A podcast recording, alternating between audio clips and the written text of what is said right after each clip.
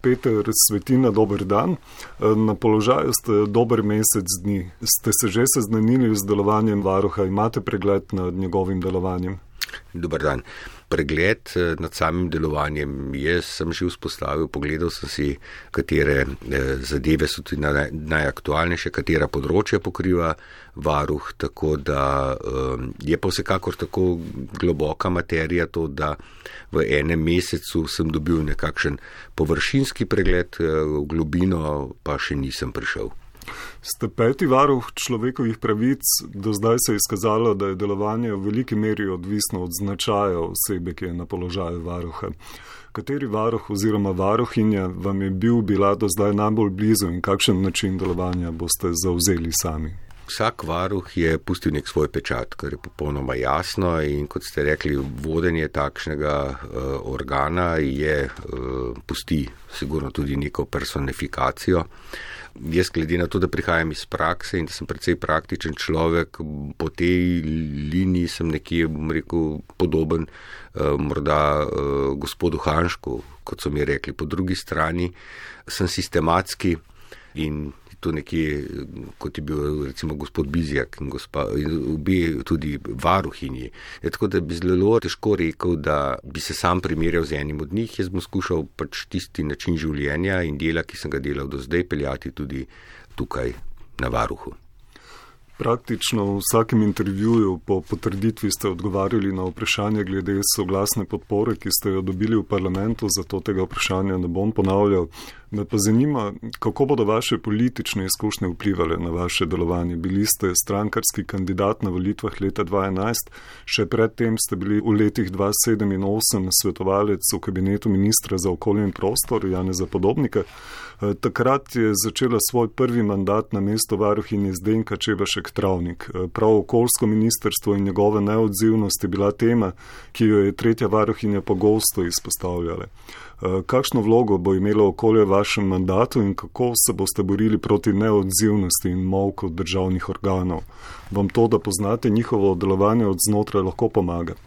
Uh, jaz sem bil takrat v tistem obdobju v kabinetu uh, ministra Podobnika, uh, kratek čas, to je bilo 8 mesecev. Uh, bil sem pa zadolžen ravno za to področje odgovarjanja, danes rečemo pobudnikom, v bistvu občanom, ki so se obračali na ministrstvo z konkretnimi vprašanji in jaz sem jim v njim razumljivem jeziku uh, v bistvu odgovarjal tisto, kar se je takrat dogajalo in eh, področja, ki so se jih dotikali. Tako da v bistvu sem že takrat nekje delal na tem področju.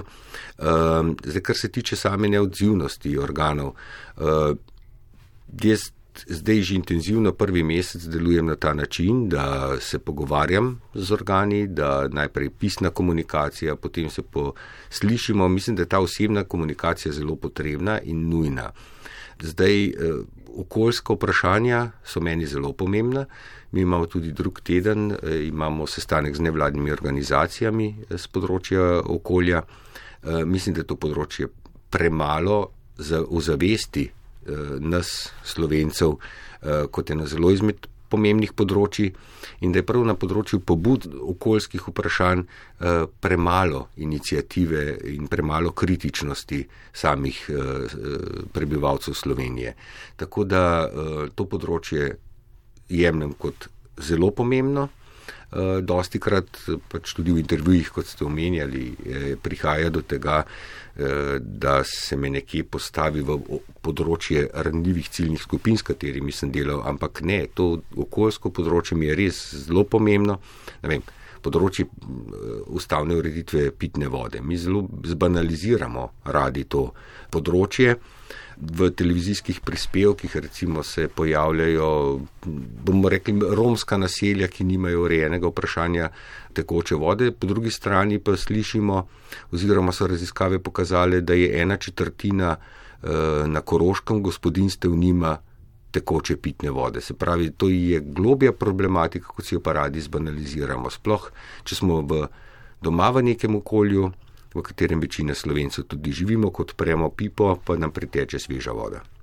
Ravno prejšnji teden ste ob svetovnem dnevu opozorili, da opis pravice do pitne vode v ustavo ni dovolj, ampak je nujen tudi takošen sprejem vseh podzakonskih aktov. zato se je rok iztekel že lanskega maja. Eh, kaj boste storili, če vas država ne bo slišala oziroma vas bo preprosto ignorirala? To se je do zdaj zgodilo pri tretjini priporočil varuha. Ima varuh po vašem mnenju dovolj pristojnosti? Uh, vprašanje je zdaj, uh, pristojnost in moč je eno, drugo je pa, uh, kako se organi odzivajo. Ne? In uh, se pravi, po mojem mnenju je to, da me povabite mediji, pa da na glas povemo, kje je problem, pa da mi objavljamo to in da se pogovarjamo, da je to pritisk, ki je. Ker če smo čisto realni, da se naloži neko kazen uh, nekemu organu, ker ne odgovarja, se to gre iz proračunskega denarja, se to je denar davkoplačevalcev.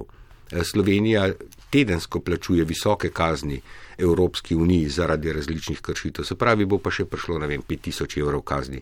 Denarno kaznovanje ni tisto. Pomembne je to, da smo lahko povemo na glas, da nas uh, želite slišati, da nam date možnost varuhu, da nas lahko ljudje slišijo in potem nas bodo slišali tudi tisti, ki živijo od ljudskih glasov, to so pa politiki. Velik del svoje poti ste se ukvarjali s socialnim varstvom, socialnim podjetništvom, eh, delovne izkušnje ste nabirali tudi v Avstriji. Odkrito govorite tudi o svojem sinu, ki ima motnjo v duševnem razvoju. Bi imel v Avstriji drugačne možnosti, kot jih ima pri nas? Uh, ja, drugačne možnosti, zato smo se pa preselili nazaj v Slovenijo, ker tukaj so možnosti bistveno boljše ko smo se mi odločili, mislim, to je sopadlo, pravzaprav, ko smo se odločili, ali se preselimo nazaj v Slovenijo ne, ali ne. In ena izmed bistvenih eh, odločilnih zadev je bila tudi ta, da je v Sloveniji bilo že takrat urejeno dobro ta zgodnja obravnava otrok s posebnimi potrebami. Zagotovo ni najboljša urejena bila, se je tudi zdaj spreminjala in je boljša urejena, ampak svetlobna leta pred zgodno obravnavo v Avstriji, tako da tukaj ima bistveno boljše. Um, rad bi tudi povedal, zakaj jaz izpostavljam svojega, oziroma ne bom rekel izpostavljam svojega sina, ampak to življenjsko zgodbo, uh, zaradi tega, ker želim v ljudeh preprečiti ta strah, bojazen pred drugačnostjo. To življenje je lepo, ni konec sveta zaradi tega, če se zgodi nekaj takega ljudje naj to vedo, naj pa tudi vemo, starši, sorojenci ali ljudje, ki delamo z ljudmi s posebnimi potrebami, da smo v družbo sprejeti. In to je nekje čutim kot promocijo tega eh, nekega čisto običajnega življenja. Torej, pri nas le ni vse slabše kot na severu. O, nikakor ne, nikakor ne. Jaz bi zelo priporočil ljudem, ki uh, želijo iti v tujino, naj gredo ne na počitnice ali na uh, študentsko izmenjavo ali delovno prakso, ampak naj se preselijo, živijo dve leti tam, potem pa eh, z realnimi pogledi lahko pridejo nazaj. Boste znali povdariti tudi primere dobrih praks? Vsekakor. Mi imamo ogromno primerov dobrih praks, zelo radi se zgledujemo tudi po tujini, poskušamo kopirati določene stvari iz tujine domov, pa se potem ne primejo, zraven pa naše domače prakse nekako ne želimo spoznavati. Prej ste govorili o posebnih potrebah, slišimo prizadeti otroci. Kaj pa beseda invalidnost? Kakšen pomen ima imenovanje? Menite, da ta beseda implicira na nevrednost, kot menijo nekateri? Bi bil čas, da se jo zamenja s kakšnim drugim izrazom? Ja, to je tako zelo težko vprašanje, ker um, od časa, ko sem diplomiral pred dobrimi 30 leti, pa do danes se je poimenovanje te populacije, teh ljudi in pa nas, stroke, ki smo delali z njimi, zamenjalo vsaj desetkrat. Eh, zdaj, mi smo takrat v tistem času na fakulteti rekli, da je to neko pejorativno ne, eh, in poimenovanje. Eh, takoj, ko so ljudje drug drugega začeli zmerjati s prizadetimi, z imbecili, idioti in tako naprej, smo mi se umaknili in spremenili terminologijo, kar pa ne pomeni, da smo te ljudi sprejeli. Zdaj, ali je to invalid, ali je to uh, posebne potrebe. Uh, mislim, meni osebno je najslabši izraz posebne potrebe, ker vsakdo od nas ima posebne potrebe. Vsakdo ima svoje potrebe in ljudje z invalidnostjo, kakorkoli jim že hočemo reči, naj oni povedo. In ne vem, zakaj bi jih morali predalčkati. To so ljudje, ki živijo med nami, običajni ljudje, Eh, zakaj jih je treba po neki diagnozi spraviti v nek predalček in jih bomo tako poimenovali. Zakaj pa še imamo vedno toliko težav s prejemanjem drugačnosti? Po eni strani jih nimamo, ne? nekje jih imamo, nekje jih nimamo, po drugi strani moram reči, da ta stigmatizacija drugačnosti Saj ne vem, je pretirana, ampak ne vem, jaz bom rekel, da je drugače dojemam in eh, ni vedno vse tako črno, kot si zelo radi naslikamo. Ogromno tolerance je vseeno v naši družbi, so pa ekstremi. To je pa dejstvo in teh ekstremi eh, so tisti, ki pa se morajo pač, ne bom rekel, preslišati, ampak jih je treba sprejeti kot ekstreme, ne pa kot mnenje celotne družbe. Aktivni ste na družabnih omrežjih, ste že dobili kakšne hejterje, kakšno je vaše stališče do sovražnega govora, kako ga zaeziti.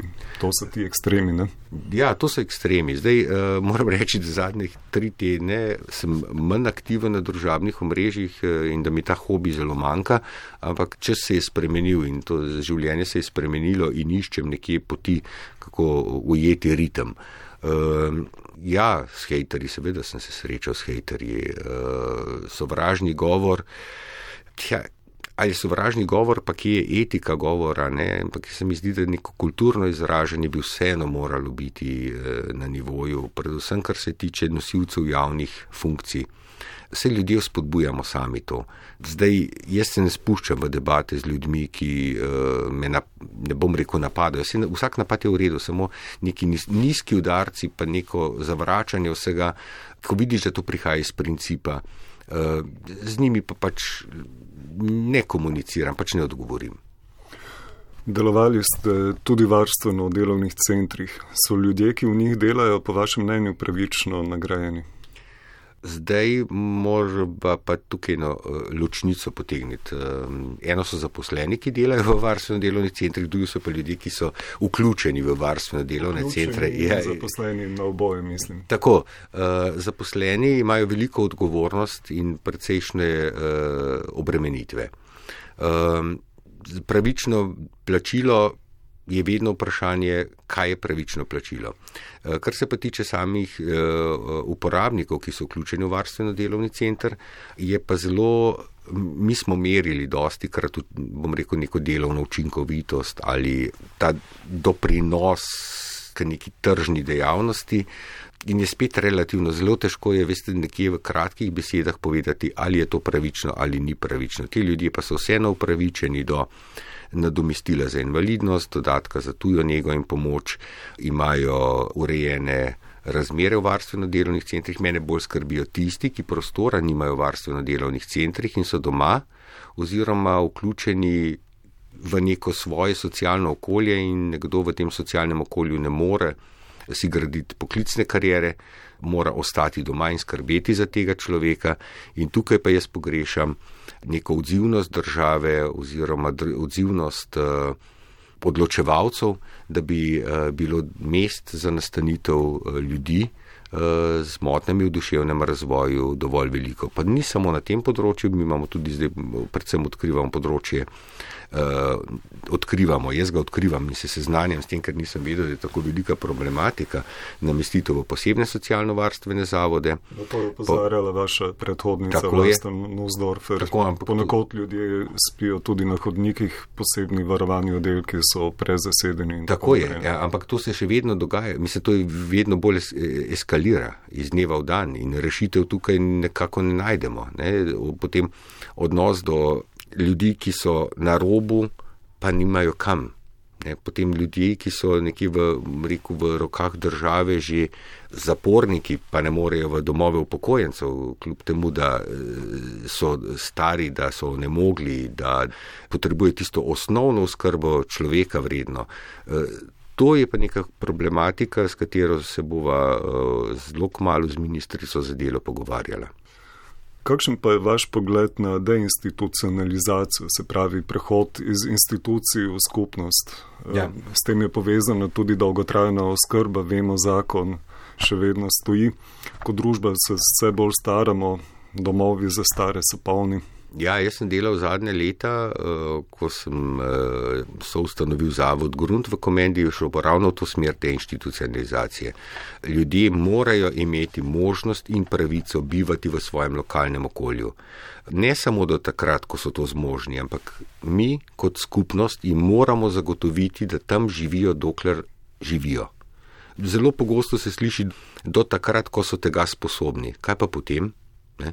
Ali ne more, ne vem, iz neke vasi, človeka je treba res odpeljati čist na drugi konc Slovenije, zato da bo tam umrl, mu tega ne moramo zagotoviti doma, jaz sem prepričan, da lahko. Načinov je zelo veliko, mi imamo tukaj v bližnji okolici, pa tudi v Sloveniji imamo primere dobrih praks.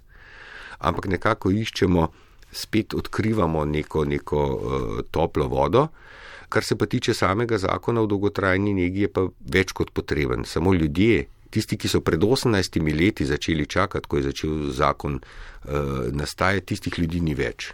In koliko let se bo še to vleklo? Zdaj, vsakič sproti vemo, v jeseni bo pa.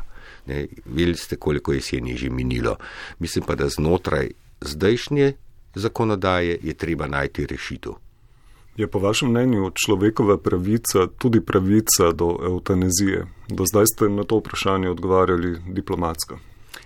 Ja, zaradi tega, ker vedno povem tudi, da imam osebno stisko, kar se tega tiče. In, uh, nisem še prepričan v to, nisem ne naklonjen, ne odklonilen, res ne. Ampak dejansko mislim, pa to ni izmikanje, uh, da jaz želim slišati argumente iz vseh strani. Razumem ljudi, ki so v stiski ne, in uh, ki, ki želijo pač, da bi dostojno umrli. Uh, po drugi strani pa se mi zdi, da, da je toliko možnosti zlorab in na kakšen način jih bomo preprečili. Vseh zlorab zagotovo v življenju ne moramo preprečiti, ampak tukaj treba doseči tudi te besede, ne maram najbolj nek družbeni konsens ne, o tem, da bomo vedeli, da se zlorabe lahko preprečimo v najvišji možni meri. Kar po vrsti, pa kar na pamet, pa to res ne smemo narediti. Eno od zadnjih potez vlaste Nusdorfer je bila predstavitev poročila o ravnanju policistov na meji s Hrvaško. Opozorila je na resnost očitkov, da je v nekaterih policijskih postopkih lahko prišlo do nepravilnosti, vključno do izvajanja prepovedanih kolektivnih izgonov. Vendar dokumentacija, iz katere bi bilo razvidno, da so policisti sploh ugotavljali, ali oseba zaproša za mednarodno zaščito, ne obstaja. Eh, pred kratkim smo se s kolegom Gašperjem Andrinkom vrnili iz terena v Bosni in Hercegovini, kjer ljudje še vedno govorijo o tem, da v Sloveniji niso imeli možnosti zaprositi za azil. Govorijo tudi o hudem nasilju policije na Hrvaškem. Kako boste preverjali take trditve, če dokumentacija ne obstaja? Dejali ste, da ne boste uredovali iz pisarne. Ste že vzpostavili kak kontakt tudi z varuhi sosednjih držav?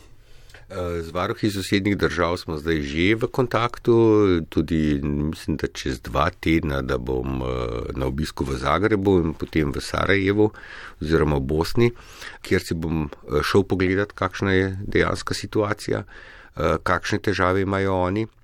Kar pa se samega poročila tiče, je dejansko tako, kot ste povedali. Mi smo tudi že, osebno sem bil v navezi s ministrom za notranje zadeve, sva se že dvakrat dobila, pogovarjali na to temo. Predvsem je tukaj treba urediti zadeve tako, da bo dokumentacija. Ne, oni morajo dokumentirati, minister je bil za to, stvari se bodo uredile, policisti so dejansko obremenjeni, pogledati moramo tudi obe strani. Predvsem je pa pomembno, da mi ne kršimo pravil. Človekove pravice so univerzalne pravice in eh, tukaj mora biti stvar 100% preverljiva. Ali so bili zavrnjeni, To se pa vidi na podlagi dokumentacije in na podlagi izjav. Ali so sploh bili v postopku? Ali so sploh bili v postopku, tako je. In če tega ni, mi ne moramo reči, je bilo. Ne, tako je tudi v bistvu samo sporočilo, ki je bilo dano strani varuhinje takrat in v bistvu uh, varuha kot inštitucije, je bilo, da lahko se je zgodilo, ni pa potrebno. Se pravi, tukaj to mi kot varuh moramo ugotoviti, to pa lahko ugotovimo le na podlagi tega uh, dokumentacije oziroma izjave. Kako ocenjujete trenutno stanje človekovih pravic v Sloveniji? Uh, dosti krat eh, želimo uh, stanje človekovih pravic pobarvati bolj črno, kot je. Uh, zagotovo ni na tistem nivoju, kakršnega bi si želeli. Ljudje, prebivalke in prebivalci Slovenije, Eh, ni pa tako katastrofalen, kot ga radi prikazujemo. Zelo pogosto bi tudi rekel, da vedno znova pravim, da je to čustveno vprašanje. kdaj so človekove eh, pravice kršene. Mi dobivamo zelo veliko pobud, na katere moramo žal odgovoriti, da to ne sodi v naše področje, oziroma da s tem, ko se dva soseda med seboj krigata, da ni to kršitev človekovih pravic. Ne, ljudje zelo emocionalno gledamo na to, normalno, posem človeško. Naloga varuha je pa tudi, jaz se vidim posebej zdaj izziv za centr za človekove pravice, da bomo izvajali promocijo na vseh nivojih, da bo razumljena vsem ljudem, kaj so naše pravice in da se jih bomo tudi zavedali. Vedno, kadar nas policaj ustavi na cesti, še ne pomeni, da krši naše pravice. Če smo mi vozili prehitro, tudi ni naša pravica. Se pravi, ne želim zbanalizirati, vendar dosti krat imamo občutek, da in zelo radi barvamo stvari na črno, pa ni tako. E, stanje ni najboljše, ni pa najslabše. Bili ste odgovorni za delo in razvoj ženskega hokeja. Kako daleč oziroma blizu smo enakopravnosti žensk v naši družbi? O, to je pa daleč. No, če si pogledam samo na področje hokeja, daleč, daleč. E, to, je, to so pa še vedno svetovi. Tukaj ne bo razvoja, dokler se ne bo ta uh, moška mentaliteta uh, spremenila in dokler ne bomo tukaj izvedli precej zadev na vseh teh športnih področjih. Uh, kar se tiče enakopravnosti žensk, uh, z samimi predpisi, pa kvotnim sistemom, pa tako naprej ne bomo rešili. Ne. Uh, mislim, da to področje je pa še kar vredno posebne pozornosti in da nas še kar veliko čaka. Napovedali ste, da ne boste prijeten varuh do politike. Vam lahko hokejsko znanje pri tem pride prav? Se jaz hokeja ne znam. Poznate ga kot šport. Ja, uh, lejte, jaz mislim, da prijeten, biti prijeten ne pomeni, da bom uh, kričal na politiko. Eh, potreben je dogovor, potreben je konsens. Če pa tistega ni, takrat je pa treba pač glasno povedati. Ne? In uh, ja, ne bom prijeten zaradi tega, ker bom postavljal zahteve. Ker meni ni jasno, kako neko ministrstvo, nek urad, nek organ v sestavi, uh, nek javni zavod ljudem ne odgovarja pa saj nismo ljudje tukaj zato, da bomo njih servisirali, ampak je obratno. Ne? In mi na varuhu zelo veliko dajemo na to, da mi odgovarjamo ljudem takoj. E, poleg tega pa res zahtevamo od organom, da odgovarjajo. Jaz moram tudi reči, da vlada Republike Slovenije, zdaj, kar sem jaz v tem mesecu, kar sem tukaj, je redno odgovorila in tudi potem, ko smo poslali neke urgence, uh, sem tudi dobil klic z vlade in so povedali, da stvar obdeluje. Se pravi, neka komunikacija, običajna človeška, mora potekati. Se nismo eh, vlada, pa varuh, pa eh, občina, se to ni nekaj imaginarnega, mi smo servis občanom. Katera je najbolj pereča tema, potem s čimer ste se seznanili do zdaj, trenutno v Sloveniji? Um, To, kar sem omenjal, najbolj pereča se mi dejansko zdi ta namestitev ljudi v zavode, v socialno-varstvene zavode, stiske ljudi, ki ne morejo v domove za upokojence, ljudje, ki so celo življenje delali in eh, je čas, da družba poskrbi za njih oziroma za namci. To področje mi je najbolj pereče. Želim vam uspešno in učinkovito delo. Hvala lepa.